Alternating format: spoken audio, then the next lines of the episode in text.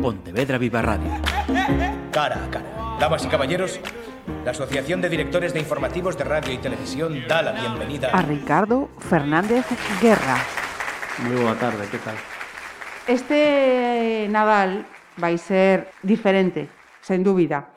As eh, restriccións e recomendacións existentes eh, poden supoñer que haberá quen teña por primeira vez que facer de chef estas datas. E na súa axuda saímos neste cara a cara e ímolo facer cun profesional. Ricardo Fernández Guerra, é docente no Instituto Carlos Oroza, concretamente profesor de cociña e pastelería.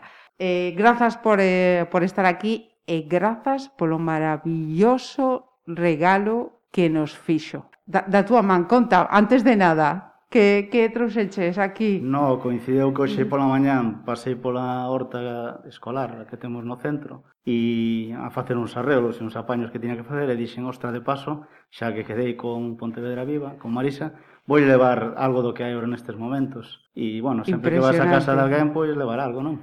loureiro, tomillo, bueno, salvia, e, e dous que teño que mirar a chuleta o, o tomate de árbol. Sí, os nunca... tres últimos que quedaban desta tempada. Buah.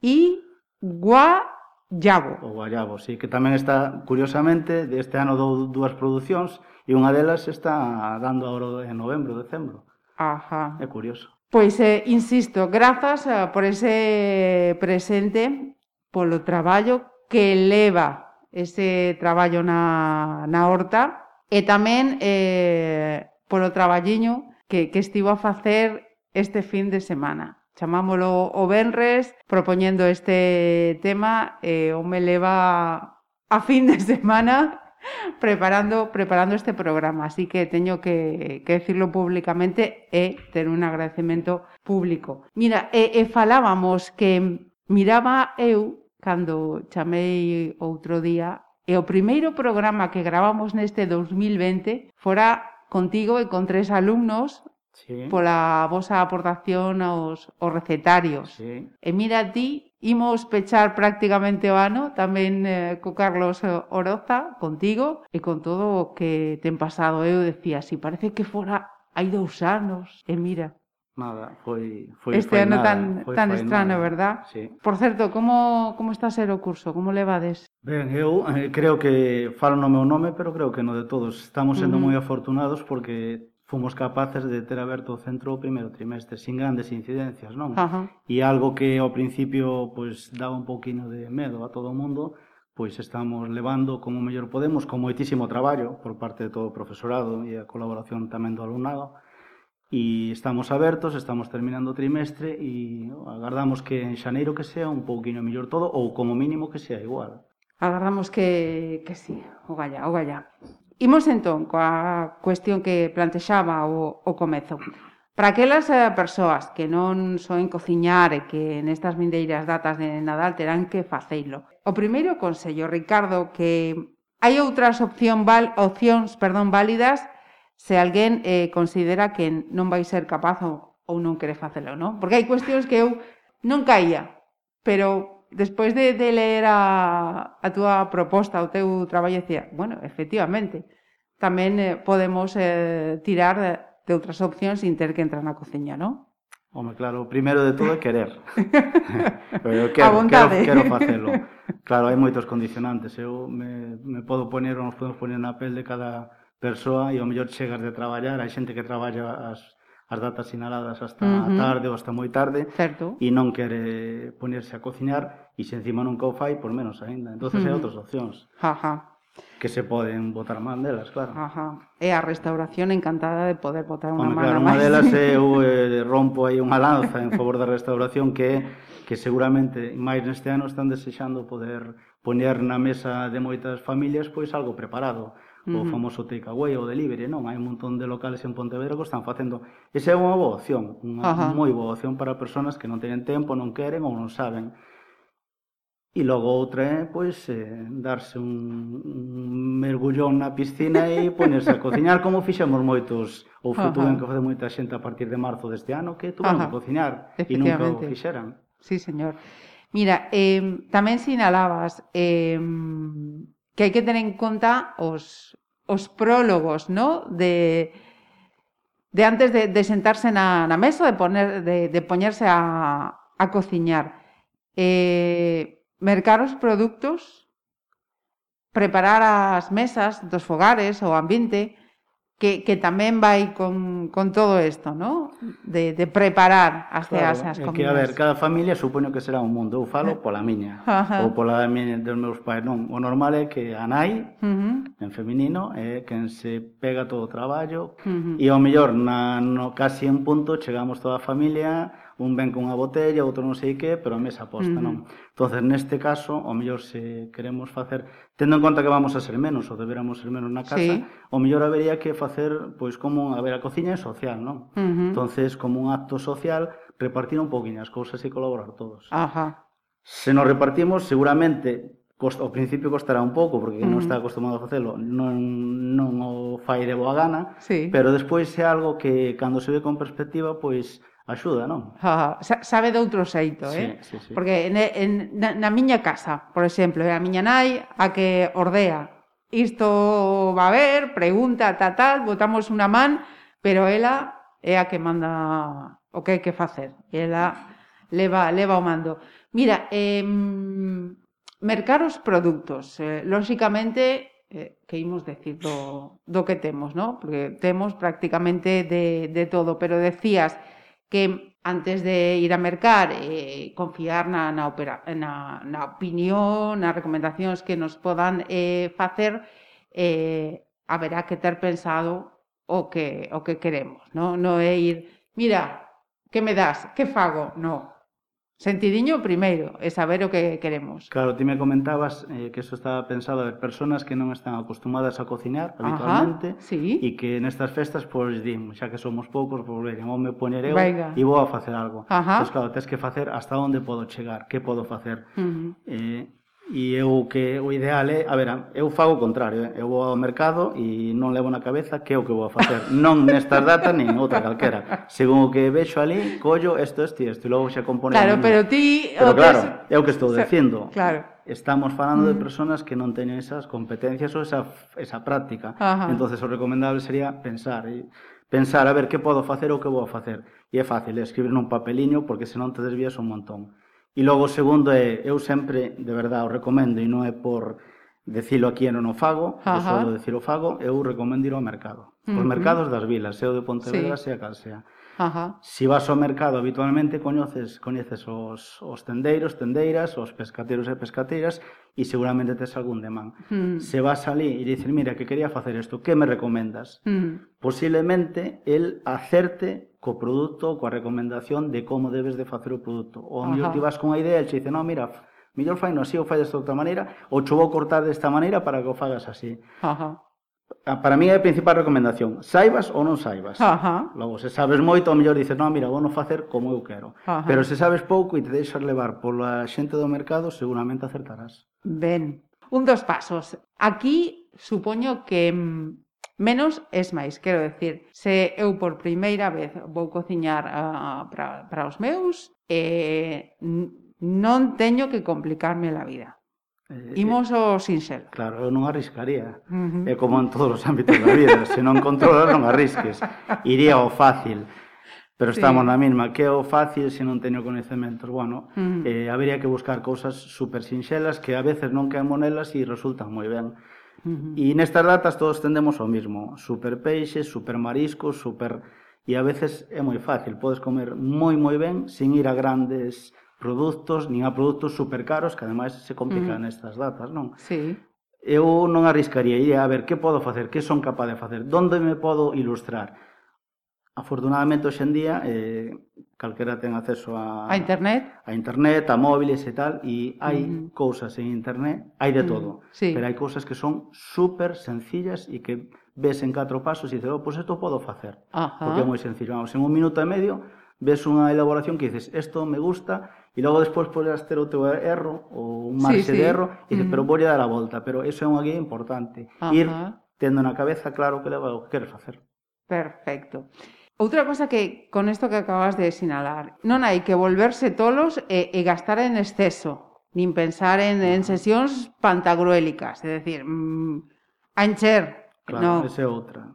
Ese é outro tema de poñer cantidades de comida absolutamente desproporcionadas, que eu entendo que despois pasa, pero uh -huh. o día seguinte tamén está aí para aproveitar, pero ir a produtos sinxelos, non salidos de precio, e logo despois está o tema da temporada. Hai produtos de temporada ahora mismo que claro, uh -huh. que sería maravilloso poder deberíamos de consumir esos. E a veces nos vamos, pois pues, a todos vamos ao mismo al cordero, al bogavante, a cigala, a nécora, porque se non hai nécora noite boa, pois non hai noite boa. e eu aí, non, bueno, entendo, a, sí, sí. na miña casa pasa, eh? eu vou a casa dos meus pais, que este ano non irei, pero ten que haber na mesa marisco. Se non hai marisco, pues parece como que non, se non hai langostinos. Ajá. Bueno, pois pues pode haber langostinos, pero a mellor non pode haber cantidades uh -huh. eh, brutais de langostinos. Uh -huh. E hai outros produtos que están en temporada, pero que en Galicia non, non se nos ocurre poner na mesa Ajá. ahora mismo en Noite Boa Grelos, por exemplo. A nadie se oh, lle iba a ocurrir. Na, na Riosa, o cardo. Claro, o cardo, a crema cardo. de cardo, cardo ah. con almendras. Uh -huh. eh, bueno, pois pues é un pouquiño de cada comunidade, non? Pero aquí somos moito de marisco e de carne boa, e se non hai, pois pues, non está ben a cousa. Bueno, pois pues non tolear. Imos avanzando. E atención porque Ricardo ata fixo algunhas recomendacións de cociña sinxela fixen catro cousas que dixen, a ver, que pode ser fácil desde o meu punto de vista. Eu anoto, eh? mira que eu son negadiña, negadiña, negadiña, eh? No, eu non creo que haxe nada negado, é simplemente uh -huh. eh, o tes a práctica e a competencia facelo ou non. Uh -huh. É poñerse nada máis. Eh? Contanos, entón, veña, esas re recomendacións que, que traes. Bueno, eu, a ver, escribinche tres ou catro cousas super Uh -huh. básicas que sería, bueno, pensando en un petiscar, non? un aperitivo, que incluso uh -huh. algún destes platos que puxen como petisco poden valer como primeiro plato. Sí. Algo así de entrante e logo non puxen moito, pero despois hoxe fun a facer a compra e mentras pensaba no que comprar vin varias cousas e dixen, bueno, pois de plato principal tamén pode valer. Sempre pensando en persoas que non teñan moitas competencias ou non teñan tempo ou non se queran complicar na cocina. Eh? Ajá, vale? sí, sí, sí, sí, sí. Bueno, a ver, o salpicón, Aí vou ir un pouco en contra do que decía antes, pero bueno, un salpicón de aperitivo uh -huh. para entrante sempre pode estar ben. Cando falamos de salpicón, a maioría das persoas pensan en que teño que cocer, teño que e a veces non tes por que complicarte para facer un salpicón porque hai produtos no mercado que xa están preparados e cocidos. Ajá. Aí falaría xo dos mexillóns que xa veñen cocidos no seu xugo, sí. que os hai. Son un pouco máis caros que os mexillóns normais, pero son iguales de, de calidad. De...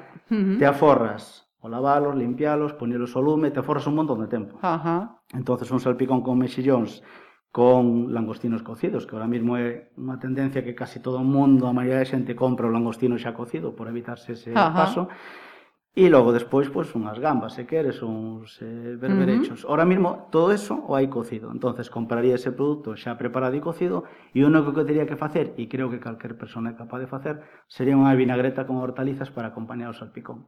Uh -huh. E iso é ah. un pouco de cebola picada, un pouco de pimiento picado, un pouco de tomate natural picado, mezclado con aceite e vinagre, e logo os mariscos pelados, os mezclo, e xa está. Os quero poner nun plato ou nunha fuente, ora que non deberíamos de compartir, compartir. pois vamos en un plato pequeno. Que os quero poner unhas tartaletas, hai tartaletas precocidas no mercado. Ah, Tanto ah. nos superficies, grandes superficies, como incluso os panadeiros ahora, uh -huh. se queres unha docena de tartaletas xa dan precocida.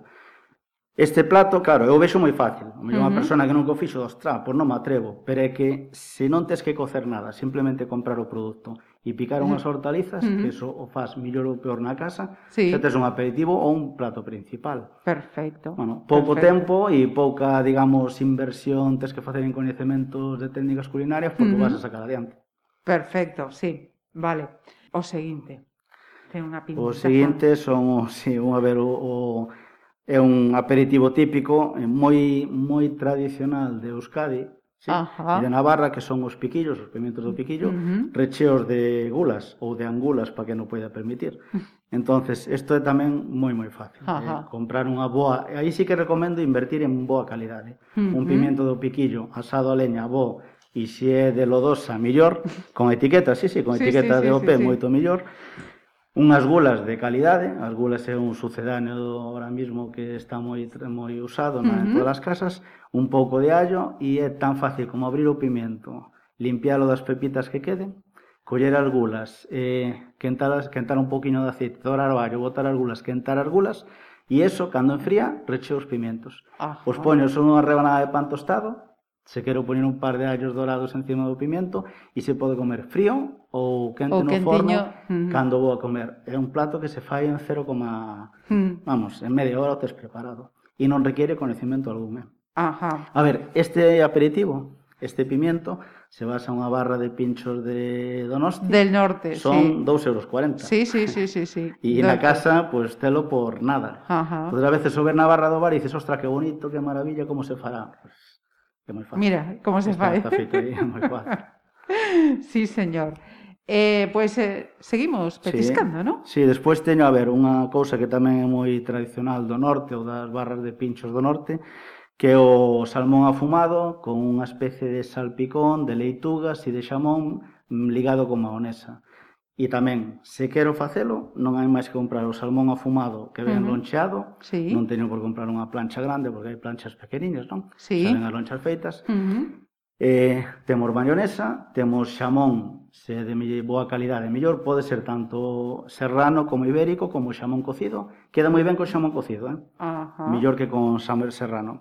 Entonces temos eh, o xamón, temos leituga, podemos coller leituga, lavala nos eh, limpiala, eh, secala, picala ben finiña, ou podemos comprar destas bolsas de leituga, xa, ahora mesmo tamén moitísima xente. Hai dunha variedade sí, de sí, todo e compran tipo. pois para evitarse todo este uh -huh. tema de eso é abrir e servir. Sí, sí. Entonces picamos a leituga, picamos o xamón, mezclamos todo, ligámolo con maonesa e na loncha de salmón facemos como un canalón. Ajá. se enrolla. Eso se pon sobre unha rebanada de pan tostado. Eu sempre poño pan tostado porque en todas as casas sobra pan.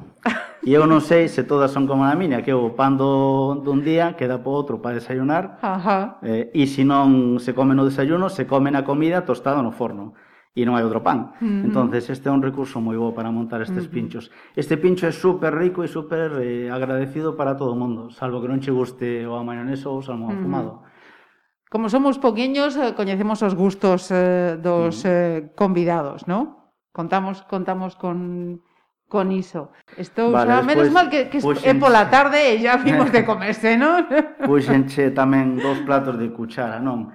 Pero, a ver, busquei platos de cuchara tamén pensando en eso. Cousas que sean fáciles. Espera, de... agarda que quedaban os champiñóns ah, como perdona, sí, nos saltamos os champiñóns. Eh, decía yo, eh, menos Vale, mal. esto do champiñón, perdona, esto do no, champiñón no. eh, sirve tanto para, para petiscar como para guarnición de calquer plato, especialmente de carne, senón de peixe. Uh -huh. E é este outro dos tradicionales do norte, que se ven nas barras, crudos ou cociñados, e é comprar unha bandexa de champiñón, uh -huh. sí?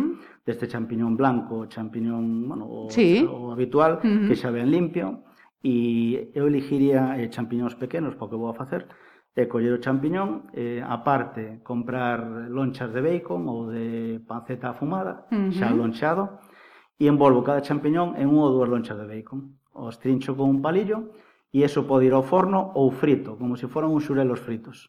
Oh. Se fai super rápido. E é algo, bueno, a panceta se fríe, mm. se cerra sobre o champiñón, o champiñón queda non queda moi feito, queda no seu punto, sí. o sea, un champiñón pequeniño que podes mm -hmm. ainda morder e notar que está como un sí. como un pouquiño crudo no medio, e iso de aperitivo está moi rico. Ajá. O de guarnición. Mira, o de fritido non tiñes coita. Sí, a plancha, eh, vas a San Sebastián ou a Bilbao moi fácil pedir mm. quero un champi sí, recheo, sí. que eles no medio sacan o pé e ponen algún recheo a veces, Ajá. chofríen no momento e cho ponen, xa está, sí, comes sí, un sí. champiñón con panceta. Ben, de envexa estes eh, petiscos. E máis, eh, convido vos a que aqueles que facades estes petiscos, logo mm, deixeis un comentario eh, e nos decís a ver, a ver que tal. Seguimos cos eh, pratos de culler, que tamén eh, anotabas e eh, aconsellabas, ¿no? Unos pratiños de, sí, de por culler. aquelo de que, bueno, na miña casa se é bastante acostumado tomar, sí. sempre algún. Caldo, unha sí. sopa, eh, no, no meu caso, eh? Sí. Pero estes porque porque son fáciles, Ajá. para calquer persona poden resultar pois un alivio teno feito, no, porque esa é outra cousa, o tema de poñerse na cociña a veces estás toda a tarde na cociña e moitas destas cousas que mm. acabamos de comentar bueno, é, é todo o día é todo o día, todo pero día. moitas cousas destas que acabamos de montar eh, comentar podelas ter preparadas pouquinho a pouco do día anterior, Ajá. incluso de dous días antes e logo chegar o momento e montalas Ajá. que non sea unha escravitude, decir, o día de noite boa pois me Teño vou a pasar estar... todo o día na uh -huh. cociña E, bueno, e o que falamos ao principio, que hai que poner a tropa a desfilar. Quero dicir, que cada un que faga algo. E isto é unha cousa moi bonita de facer con nenos, eh? Ajá. con nenos, incluso con adolescentes. Sí. Sacalos un pouquinho da tablet, da tele, e do móvil, uh -huh. e mira, ven a axudarme, faime isto, faime outra cousa, e en media hora te lo listo. Uh -huh. Bueno, os platos de culler puxen, a ver, unhas favas con marisco. Claro, eh, moitas persoas se Soa, así, falar, oh. claro, falar de favas e ostrar, remollar, cocer, que se me desfan, que non sei que. A ver, non é necesario. E eu, uh -huh. por exemplo, tiro moitísimo deste recurso, a veces non teño tempo, Ajá. todo o que quixera para cocinar na casa entre semana, e, e legumbres hai que comer e se uh -huh. pode ser unha vez a semana ou dúas, mellor. Ajá. Entonces, ahora mismo no mercado hai unha variedade bastante grande de legumbres cocidas e embotadas. E que estén en bote e cocidas non é sinónimo de mala calidad. De menos calidade. Uh -huh. Hainas de moi boa calidad Ajá. e no precio tamén se mira. Eh? Uh -huh. E legumbres con denominación de orixe, eh? cocidas. Sí, sí, sí, sí. entonces eu, neste caso, para non favas con marisco, pois pues vamos ao mesmo recurso de antes un pouco de allo, un pouco de pimento rojo, pimento verde, un pouco de cebola, eso picadiño, se sofríen un pouco de aceite, que marisco lle quero botar? Langostinos, pelos langostinos, ten os langostinos pelados aparte, ameixas, berberechos, mexillóns, eso é marisco, non? Uh -huh. Unha cousa importante, que me salto o paso. Cando pelo os. Eh, estaba notando. Eh, no, cando pelo o marisco, cando eu son moito facer eso, e así tamén o enseñamos, pelo marisco teño as cáscaras, as cabezas, etc, etc. Ajá. Cando cortas hortalizas sempre queda algún restillo. Todo eso, se en vez de tiralo, o metes en un cazo, unha pota pequena con agua, e o pos a cocer media hora, tes un maravilloso un caldo, caldo eh, que é mellor que botar agua. entonces Ajá. ese caldo fago primeiro Ajá. Entonces, despois o frío ese allo, cebola, pimiento no aceite, botolle os langostinos, boto as fabas, abertas do bote, Ajá. fago aí unha cocción de 5 minutos e ao final de todo as ameixas os bebechos que se abren en casi nada e teño unhas favas con marisco bastante vamos, eh, un aprobado alto sí, sí. para unha persona que non que está comeza na cociña. Entonces, terían un plato, un primeiro plato bastante rico, eh? Uh -huh. Porque ese sabor da, do marisco, o caldo, eses jugos todos e as favas, pois fan moi boa combinación. Perfecto, perfecto. E falábamos de, de caldo de, de sopa, que con, con todos estos ingredientes de un prato e outro... Pois pues en vez de favas, aí... unha sopa de marisco. Claro. Unha claro. sopa de marisco, e sería uh -huh. un mm. poquixo o mesmo. Elixo que mariscos quero poñer, uh -huh. e peixes, E aí é onde o que decía antes dos pescateiros e pescateiras, no, Mira, me podes poner unha merluza ou un rape ou unha cola de rape, me podes sacar a espiña. Incluso uh -huh. a veces hasta cho cortan eles. Sí, Entonces, certo. cho preparan eles, cho cortan eles e dicen, non me tires a espiña e malas. Uh -huh. Te ves para casa con esa merluza ou ese rape ou outro peixe que sea duro, un salmonete, un san martiño, uh -huh. te ves para casa con eso, coas espiñas e coas hortalizas fas un caldiño que ten que cocer media hora, non máis, e con ese caldo faz a sopa de marisco. A sopa de marisco, outra vez estamos no mismo. Allo, cebola, puerro, quedalle moi ben, ou zanahoria mm. se queres. Ese sofrito, botas os peixes, os sofrís, mollas co caldo, botas os mariscos, coces un poquinho e tes a sopa de marisco. Ah. Que lle queres botar el cabelo de anxo ou arroz, pois tamén. Uh. Perfecto. Eh... Imos enchendo xa, eh? Sí, a ver, son cousas... Eu, claro, a ver, decilo moi fácil. E algunha persona dirá, ostra, non é tan fácil como parece, pero uh hai que poñerse. Sí, home, sí. E logo é o ensayo, error. Non me saleu ben, teño que reflexionar que é o que fixen mal. Ostra, para a próxima fago outra maneira. Ajá. Eh, prato principal é eh, sinalabas que, bueno, aí deixámolo a, a gusto do, do consumidor, dos consumidores e, e dos chef, no? A carne ou, ou peixe. Claro, a ver, eh. nos pratos principales, digamos que está o fuerte da, destas festas, non? Pero se empezas a mirar, a ver, tomamos aperitivo, uh -huh. tomamos un primeiro plato, vamos ao plato principal, ao final sempre acabas comendo moitísimo máis do que deberas. Efectivamente. Os platos principales a veces, pois pues, hai que ver, vou a comer moito de prato principal ou pouco. Uh -huh. Cando estaba facendo a compra, fixeime, incluso no mercado, hai produtos de quinta gama, non? Que son moi que se son moi versátiles para persoas que estén pouco acostumadas a cocinar, por exemplo. Ajá. Uh -huh. Hai pulpo cocido Ah, envasado ao vacío. Eu con un pulpo cocido, envasado vacío, que simplemente teño que cortar. Eh, se quer un bote en taco, unha boa pata de pulpo cortada e para facer un guiso, para facer a plancha, non teño que cocer o pulpo, non me teño que romper a cabeza en estará ben cocido, estará mal, teño que comprar o pulpo, uh ora o teño que lavar, ora teño que cocelo, etcétera, etcétera. Entonces, a quinta gama, por eso é moi ah. moi versátil. Bacalao, lomos de bacalao de salgado. Non teño que facer nada máis que cociñalo. E incluso hai carnes de quinta gama, hai uh -huh. rolos de carne rechea que xa veñen cociñados, envasados sí. ao vacío. Que non é o que quero un cocinillas destes que dicen, non, non, o quero faceu. Pero unha persona que non se atreve con uh -huh. calquera deses produtos, produtos sae perfectamente. O que ten do... que facer é terminalo, uh -huh. facer unha guarnición ou facer algo. Entonces ah, uh -huh. a quinta ah. gama aí pode ser algo, un recurso bastante uh -huh. bastante fácil para persoas uh -huh. deste tipo.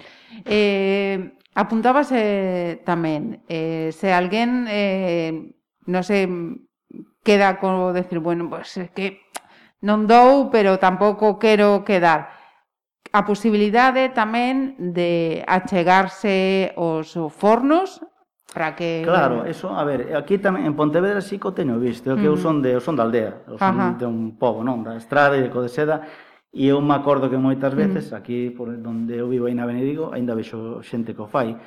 Cando chegan estas fechas ou cando tes algo demasiado grande para uh -huh. o que te o teu forno da túa casa, hai fornos de uh -huh. cocción que che aceptan, sí. levas ali o preparado e le cho cocen. Uh -huh. Levas o que a, a farsa de empanada e le che fan empanada. Pero é que levas un xamón asado e les cho asan. Sí, sí. Entón, este é outro recurso interesante. Non, mira, vou no levar, que pasa? Que vas a ter asado pola mañán, pero non pasa uh -huh. nada, despois o que antas. Levo a miña preparación ao forno e que mo asen e logo despois de que me ocupo de facer a guarnición pois ah, unhas patacas asadas ou champiñóns eses con panceta, etc, etc. Posti o teu toque, non? Uh -huh. E iso Estou falando, de, claro, de cando eran xuntanzas de 10, 15 personas. Uh -huh. Ahora van a ser menos personas, máis familias, pero para alguén que non este acostumbrado a cociñar, É unha solución perfectísima. Moi, moi, moi boa. Perfectísima.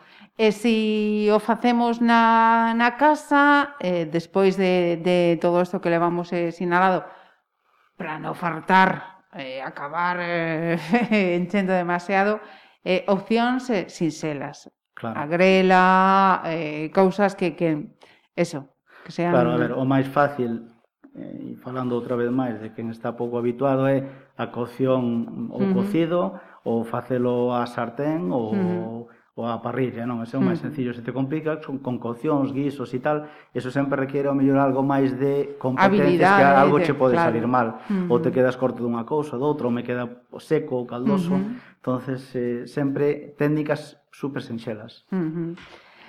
Pois eh os doces, eh, por certo, non hai que complicarse. Porque as panaderías eh, de claro. calquera sitio están encantadas de que poñamos na mesa os seus produtos. Eu creo que hai pouca que... xente que se complique en doces en mm. Nadal. Eh? Eu creo que todos vamos sí, ao típico, básicamente, ao sí, tradicional. Sí, sí, sí, sí, sí. Pois pues, eu penso que mm, O que non o faga é porque non o quere, eh? non hai excusas. Bueno, a ver, é, é querer impoñerse. Eu, o que pasa é que eu ca, ca cocina disfruto un montón, Ajá. eh, cocinando por demais. Eh, uh -huh. Eu creo que todos deberían uh -huh. de probar o que poñerse a cociñar con unha, se queren, abren a botella de viño ao lado de unha copa eh? ou unha cerveciña e iso é pos incluso a televisión E esas horas que estás aí, que pode ser unha hora, dúas horas, sí. se che pasan moando. E despois o que é reconfortante cando a xente che dice Oye, Que estaba rico, sí, estaba rico sí, para sí, pa velo sí. feito ti.